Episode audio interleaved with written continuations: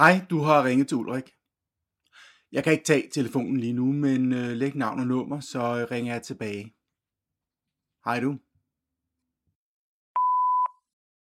Hej. Jeg har drømt om dig i nat. Eller om, om os faktisk. Jeg drømte, at vi gik ud langs en sandstrand, og du havde sådan nogle kakifarvede Bermuda shorts på og en hvid skjorte i hør. Med naturknapper.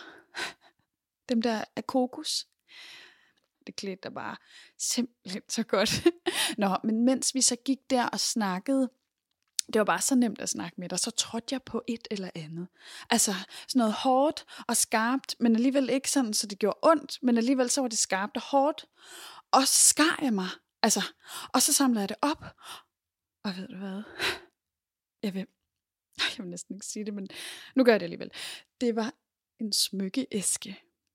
Sådan en lille firkantet en, og jeg fik bare hjertebanken lige med det samme. Sådan virkelig rigtigt, hvor jeg bare kunne mærke det, lige, ligesom jeg var vågen, og så kiggede du mig ind i øjnene. Og så åbnede jeg den. Og det var en ring fra dig. Og så vågnede jeg. Og jeg vidste bare lige med det samme, at jeg elsker dig. Jeg vil bare, jeg vil bare tilbringe resten af mit liv med dig.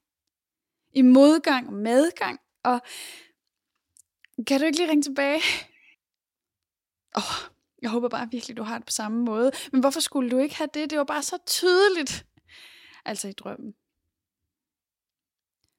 A, a whole new world. A new fantastic born.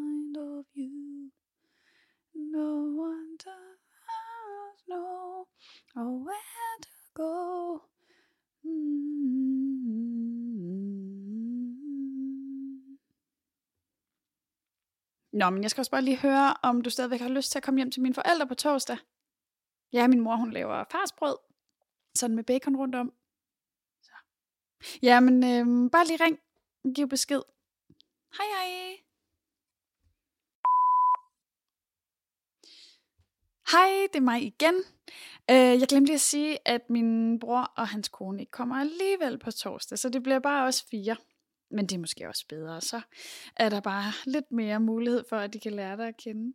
Ja, vi ses, skat.